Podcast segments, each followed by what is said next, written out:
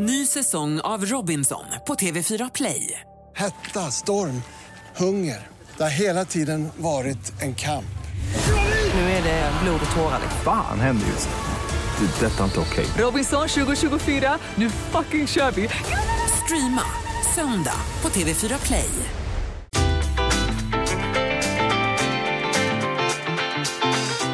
Lotta Bromé på Mix Megapol.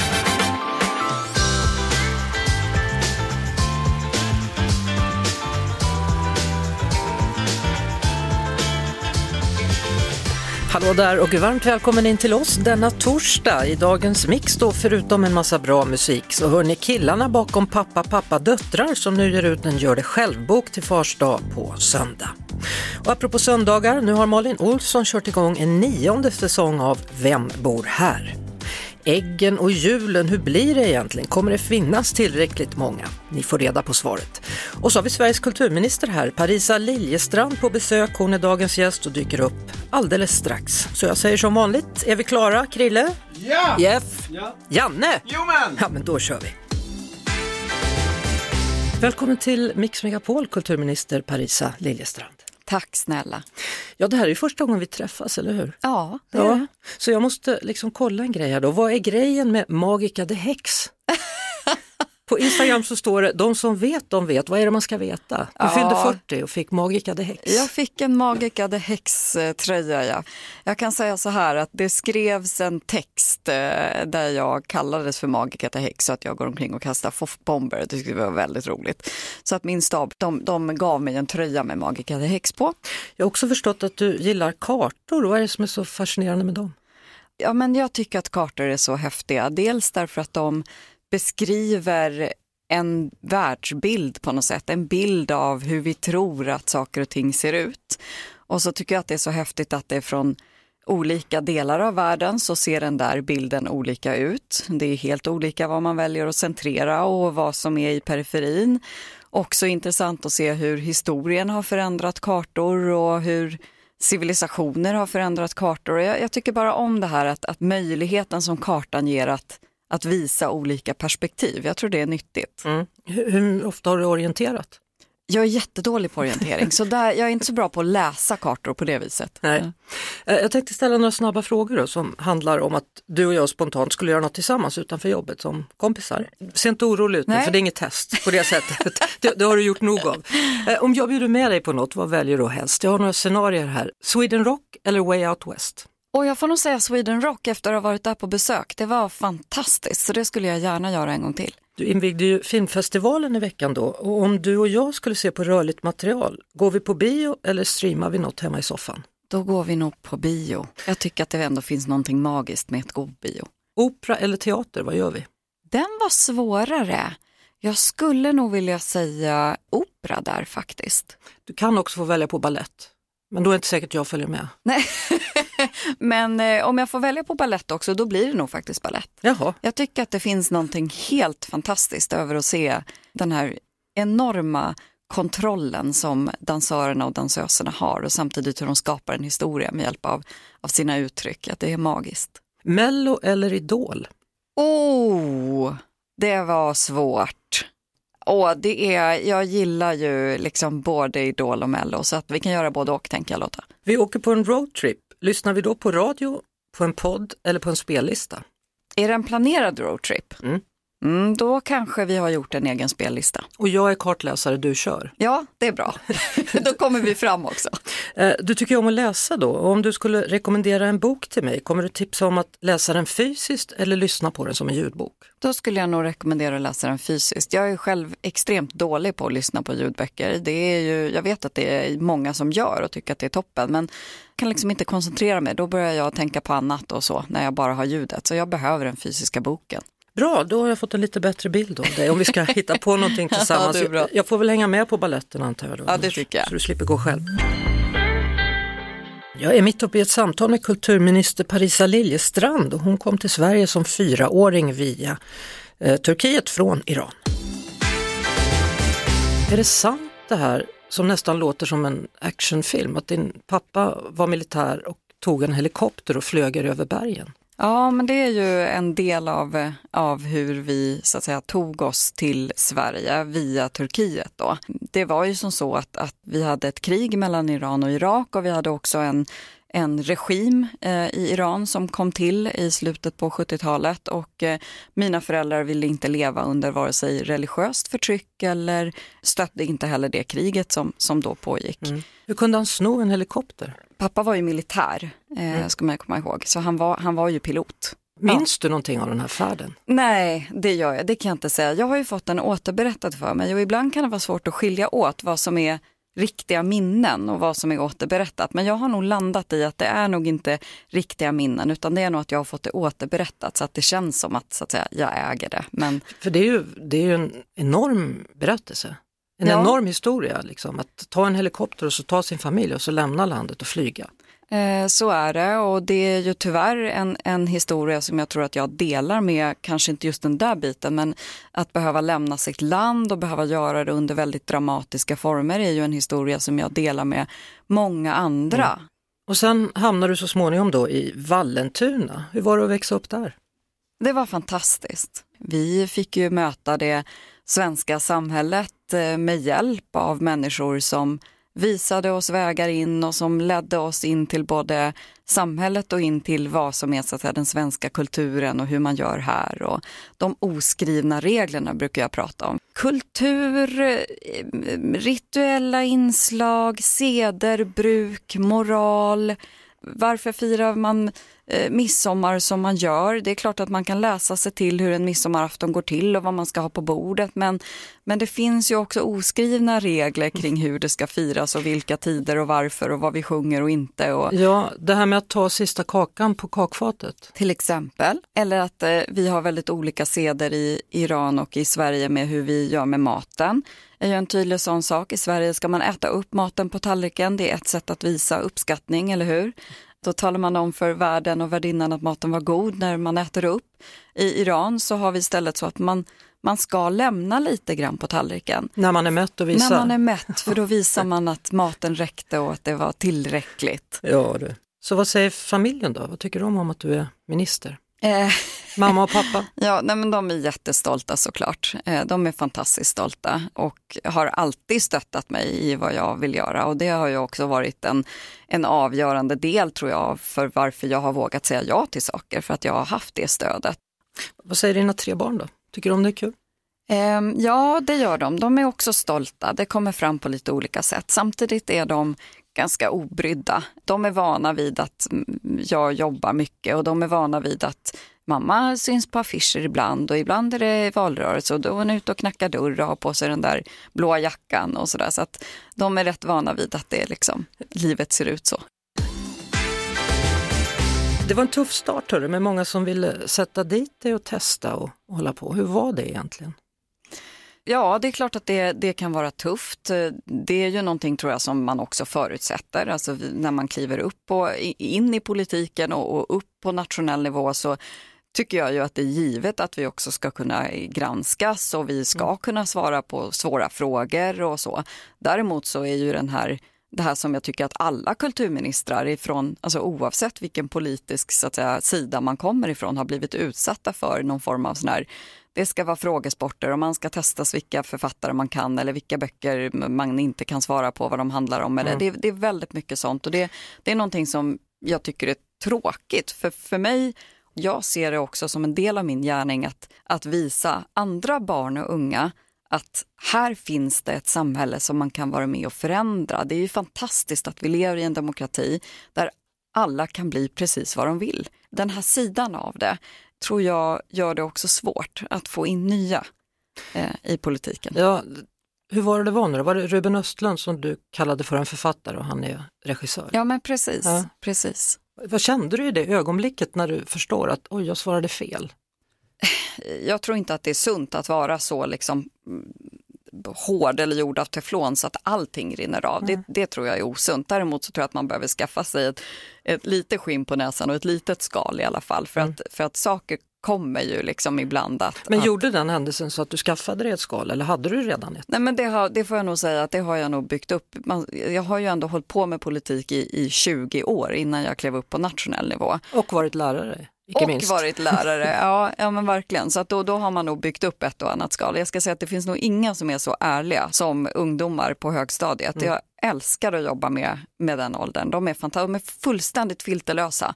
Så man får ju liksom all återkoppling direkt. Så avslutningsvis då, Magica de Hex i 40-årspresent, blir det statsministerpost i 50-årspresent? Ja, det, det vet jag inte, det får vi nog se. Jag, jag ska säga att jag har alltid haft väldigt roligt på jobbet, oavsett vilket jobb jag har haft. Och just nu så känner jag att vara kulturminister, det är världens bästa jobb. Jag måste säga att jag, jag väljer att leva här och nu och se att min uppgift just nu är att se till att det är fler får ta del av den fantastiska kultur som finns i Sverige och tillgängliggöra den för fler och se till att fler får möjlighet att göra samma resa som jag har gjort. Så att jag, jag väljer att stanna i nuet och sen det som framtiden ger, det får vi se.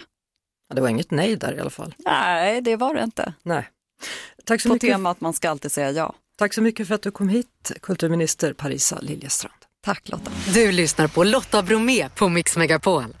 Efter ett salmonellautbrott hos Sveriges största äggproducent finns det nu risk att det kommer att bli brist på ägg fram emot julen. Och med mig nu Marie Lönneskog Hogstadius som är verksamhetsledare på Svenska Ägg. Välkommen till Mix Megapol. Tack så mycket. I helgen så var jag och handlade då i en affär i Skövde och där fanns det faktiskt skyltar att det stod att det var färre ägg tillgängliga just nu. Ja, det var ju förutseende av, av handlarna där. Egentligen så saknas det inte mer ägg på butikshyllorna nu än vad det gjorde i början på året när den här salmonella konstaterades på Sveriges största anläggning, utan vi är i samma bristsituation. Så snarare så att när det närmar sig jul och alla julbord och julbakningen och sådär, att vi faktiskt eh, konsumerar lite mer ägg. Det är egentligen äggets högtid, julen, inte bara påsken utan även julen. Så det är väl det som gör att det blir lite större och mer kännbart att vi är i en bristsituation. Men är det så att det kommer eventuellt råda äggbrist i jul? Våra svenska packerier gör ju allt som står i deras makt för att fördela så att eh, konsumenterna ska få så mycket ägg som möjligt och det sker till och med en viss import. Så jag, jag tycker inte att vi behöver vara oroliga eller, eller, eller tänka att vi ska bunkra ägg eller sådär. För mer än 80 procent av alla de svenska hönsen fortsätter ju att producera ägg. Kommer det att påverka priset på ägg?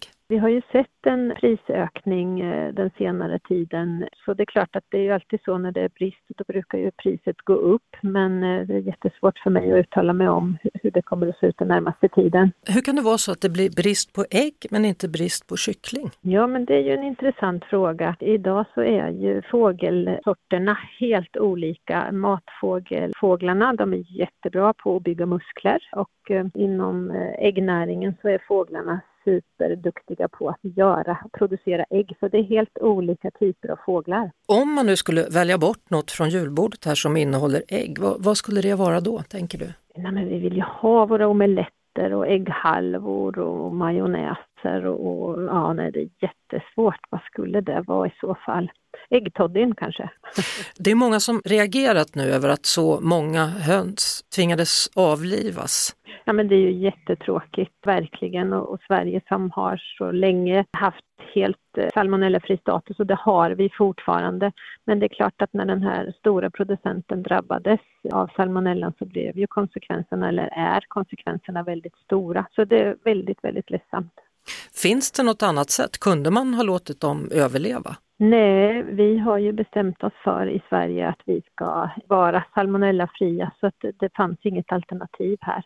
Vad gäller äggproduktionen då, tror du att vi har kommit till kapp i Sverige, om det nu inte blir något nytt utbrott av salmonella någonstans, till påsk? Nej, inte redan till påsk, eh, men då är vi uppstart igen eh, hos den stora producenten så att äggen börjar komma därifrån då om, om allt klaffar enligt planerna. Så vi är i full gång igen, det är väl nog först till sommaren och en bit in under hösten 2024. Men att hålla på och hamstra ägg inför jul, det är inte aktuellt. Nej, det ska vi inte behöva göra. Stort tack Marie Lönneskog Hogstadius, verksamhetsledare på Svenska Ägg. Tack! Lotta Bromé och den perfekta mixen på Mix Megapol. Då har nya säsongen av Vem bor här dragit igång igen. Malin Olsson, välkommen till Mix Megapol. Ja, men tack så mycket. Du, vad är egentligen hemligheten bakom det här programmets succé? Jag tror att det är att eh, folk älskar att se hur andra har det och så gillar man också tävlingsmomentet. Jag tror att många tänker att man är en bra människokännare och att man liksom ska lyckas lista ut var alla bor. så kanske man inte gör det och då vill man ju gärna titta nästa vecka igen för att liksom återupprätta det här som gick fel första gången. Så jag tror att det är en kombination och att man får en massa härlig inspiration såklart. Men du, alltså nionde säsongen. Ja, jag vet. Ja, det har blivit några hem nu genom åren. Alltså, vad är det? Över 500 tror jag Ja. hem som man har varit inne i. Och vilket hem minns du bäst av alla du har besökt? Oj, gud. Nej, men det är så många häftiga hem. Någon gång var vi inne i ett hem som var helt cirkulärt, som hade som ett litet eh, växthus i mitten av hemmet och allting liksom var runt. Alltså det fanns inga raka väggar någonstans. Superhäftigt att kliva in i. Men sen tycker jag att det är kul att kliva in i de här hemmen som har varit en annan byggnad innan. Alltså en gammal skola, kanske ett vattentorn hade vi med ett år i Ystad där man liksom tog hissen rakt upp in i lägenheten. Det är väl en lanthandel som kommer dyka upp så småningom här va? Ja, lanthandeln tycker jag är väldigt häftig för att personen som bor där hade vågat klättra på med massa färg. Alltså tänk dig liksom superchockrosa väggar och liksom gröna väggar och ritiga golv. Men sen att man ändå har bevarat de här köpmansdiskarna. Så det blir en väldigt härlig eh, kombo som är lite oväntad. Men skulle man kunna avgöra vilket hem som är ditt om du skulle vara med i programmet? Nej, det tror jag inte. För att, eh, nej, men alltså, jag har ett sånt tråkigt hem, Lotta. Jag måste verkligen skärpa mig nu. Jag, jag får liksom försöka bara välja stil, känner jag. Så det spelar ingen roll hur många säsonger du gör det här programmet, det blir aldrig bättre. Nej, det blir bara värre. För mycket inspiration, så till slut så blir man ju handlingsförlamad och vet inte vad man ska välja. Men jag kan lova här nu att jag ska försöka jobba med lite mer färg hemma hos mig. Det är lite för grått för att matcha min person. Så, så det är så man skulle känna igen ditt hem då, ifall du var med, att det är bara grått? Ja, Malin Olsson, kul att du ville vara med och så hoppas vi på ännu fler säsonger av detta populära program. ja och så hoppas jag att alla får alla rätt här nu i nästa avsnitt. Lotta Bromé på Mix Megapol. Idag så har jag ju gästats av kulturminister Parisa Liljestrand och på frågan om vad kultur är så svarade hon så här. Kultur för mig är de gemensamma erfarenheterna som vi bär på som människor och som samhälle. Det där som någonstans skapar ett vi och som skapar en, en känsla av att vi liksom bär på en historia gemensamt. Det är en skattkista fylld av liksom historier och berättelser som någonstans har gjort oss till de vi är. Så, så vad känner du är det viktigaste för dig i ditt uppdrag då att främja? För mig handlar det väldigt mycket om att försöka se samtiden för vad den är och också se vad kulturens roll är i den samtiden. Kulturen har ju alltid haft en fantastisk roll i samtiden och det här är ju kopplat till varför det är så viktigt att kulturen ska vara fri. Sett till historien så har ju kulturen spelat en så enormt stor roll i att också driva samhällen i olika utvecklingar. Eh, den har vågat utmana, den har vågat eh, ifrågasätta eh, på ett sätt som jag tror hade varit väldigt svårt om man hade så att säga, reglerat konsten och kulturen. Den får vara på något sätt en, en spegelbild mot, mot samtiden. Du lyssnar på Lotta Bromé på Mix Megapol. Välkomna till Mix Megapol, John och Johan Valencia som ligger bakom Instagramkontot pappa pappa dotter men som sedan kontot startat och blivit pappa pappa döttrar. Tack. Ska man gratulera? Ja, tack så mycket. Ja, jag, det- det- jag tar gärna det- ett grattis. Jag också, det var trevligt. Hade ni redan från början tänkt er att det skulle bli två barn? Nej. Nej. Det var en otrolig tillfällighet och lite av en slump. Vi var jättenöjda med ett barn, men sen tillfälle gavs och vi kände att ja, men vi tar ett till. Vi tar ett till. nej, men, nej, men vi tyckte ändå att det, var, det fanns plats i hjärta och Ja. ehm, så för ett barn till. Ja, nu är det snart fars dag här, hur känns det? Kul! Det är ju ändå en dag som för oss blir extra viktig för att vi är ju två pappor och vi älskar ju att vara med våra barn och de älskar förhoppningsvis oss. Så det blir en kul dag att fira tillsammans. Har ni alltid velat bli pappor? Jag har alltid velat bli förälder, ända sedan jag var ganska liten minns jag. Men jag hade flickvänner fram till jag var 25. Sen efter det så träffade jag killar och då blev det inte lika självklart hur man ska bara kunna bli förälder sådär. Det krävs ju lite mer planering. Hur är det med dig, vill du också bli förälder? Nej. Ända fram tills jag träffade Johan så ville jag inte ha barn. Jag tyckte inte alls att det passade in i mitt liv, min livsstil. Jag tyckte inte heller att det kändes som att samhället på alla plan var redo för samkönade föräldrar. Så att för mig var det egentligen ett nej. Sen blev det ett ja. Ja, det blev ett ja. Och Ja. tur var väl det. Behövde du övertala honom eller var det så att han ändrades allt eftersom? Alltså för mig har det bara varit en sån självklarhet för jag har alltid velat ha barn så jag tror jag bara pratade på som att vi skulle ha barn. Och sen hängde du väl kanske med lite där i början för du tänkte ja ja han får väl, han får väl tro det. Ja, jag tänkte det där kommer lösa sig med tiden, att det där får vi bara ordna upp sen. så, så nu sitter ni där Ja. eller bor där med Mm. två stycken döttrar. Ja.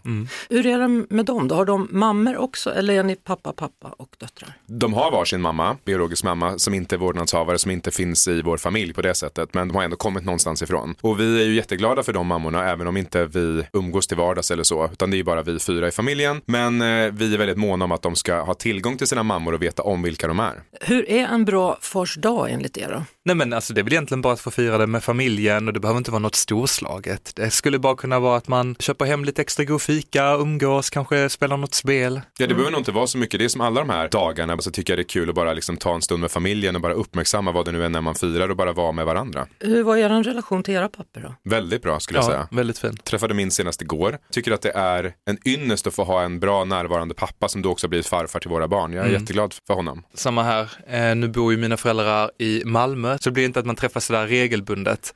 Men jag har ju väldigt fina barndomsminnen av att jag alltid haft väldigt närvarande, alltså både min mamma och pappa. Ni har också släppt en bok då som heter Boken till pappa. Hur skulle ni beskriva den boken? Som en gör det själv-bok som påminner lite om de här klassiska Mina vänner-böcker man hade när man var liten, eller som jag i alla fall hade när jag var liten och Jag med. älskade. Vi har då velat ta fram en hyllningsbok till alla pappor. Sen kan man ju bestämma själv hur man vill hylla, men just att man ska göra någonting till sin pappa eller till den pappa man vill hylla som är, ligger lite mer i linje med att man har skapat någonting än bara köpt någonting. Ja men det är väl en, en fin stund också som man får tillsammans med sin pappa, att man kan göra det tillsammans eller med någon annan vuxen. Har ni redan delat ut till era döttrar? Hur gamla är de förresten? Två och ett halvt och sex. Ja, ja, sexåringen kan ju börja i alla fall. Ja, hon, Hon lite älskar ju att klippa och klistra och Ja. rita och skriva och sådär, så att hon är ju en perfekt målgrupp. Så en av julklapparna kommer bli en pyssellåda. Det kommer det definitivt. Limpistol, har ni skaffat den? Nej, absolut inte. Viktig grej. Är det? Mycket Det viktigt. låter livsfarligt Nej, det är det inte. Det är jättebra. Ja. Det, jag lovar, det Ja. ska ni ha. Hörrni, stort tack för att ni kom hit och berättade, Johan och John Valencia. Och glad fars dag då. Tack. Ja, tack, tack. Förra veckan så dök det ju upp en ny, som det sägs, sista låt av och med The Beatles, Now and Then. Och med samma teknologi som kunde förstärka John Lennons röst och dämpa pianot så kommer nu en nyutgåva av eh, 50 års upplaga faktiskt av The Red and Blue Album och där finns givetvis då den nya låten med. Och själva plattorna de har remixats och redan imorgon så kommer du kunna höra låtarna och mer än så i en nyproducerad dokumentär. Det här är den unika dokumentären The Beatles Legacy Red and Blue. Du kommer få höra storheter som Brian Wilson, Bob Seger, Dave Grohl och Tom Petty berätta om vilken enorm betydelse bandet haft för deras karriärer. They were just out in front. There was the Beatles, and then there was everyone else. The Beatles were leading the way, and that's just irrefutably true. Jag heter Lotta Bromé och du lyssnar på The Beatles Legacy Red and Blue.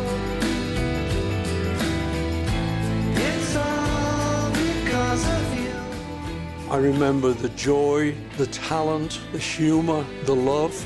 If people remembered us for those things, I'd be very happy. Still a lot of interest in those four boys.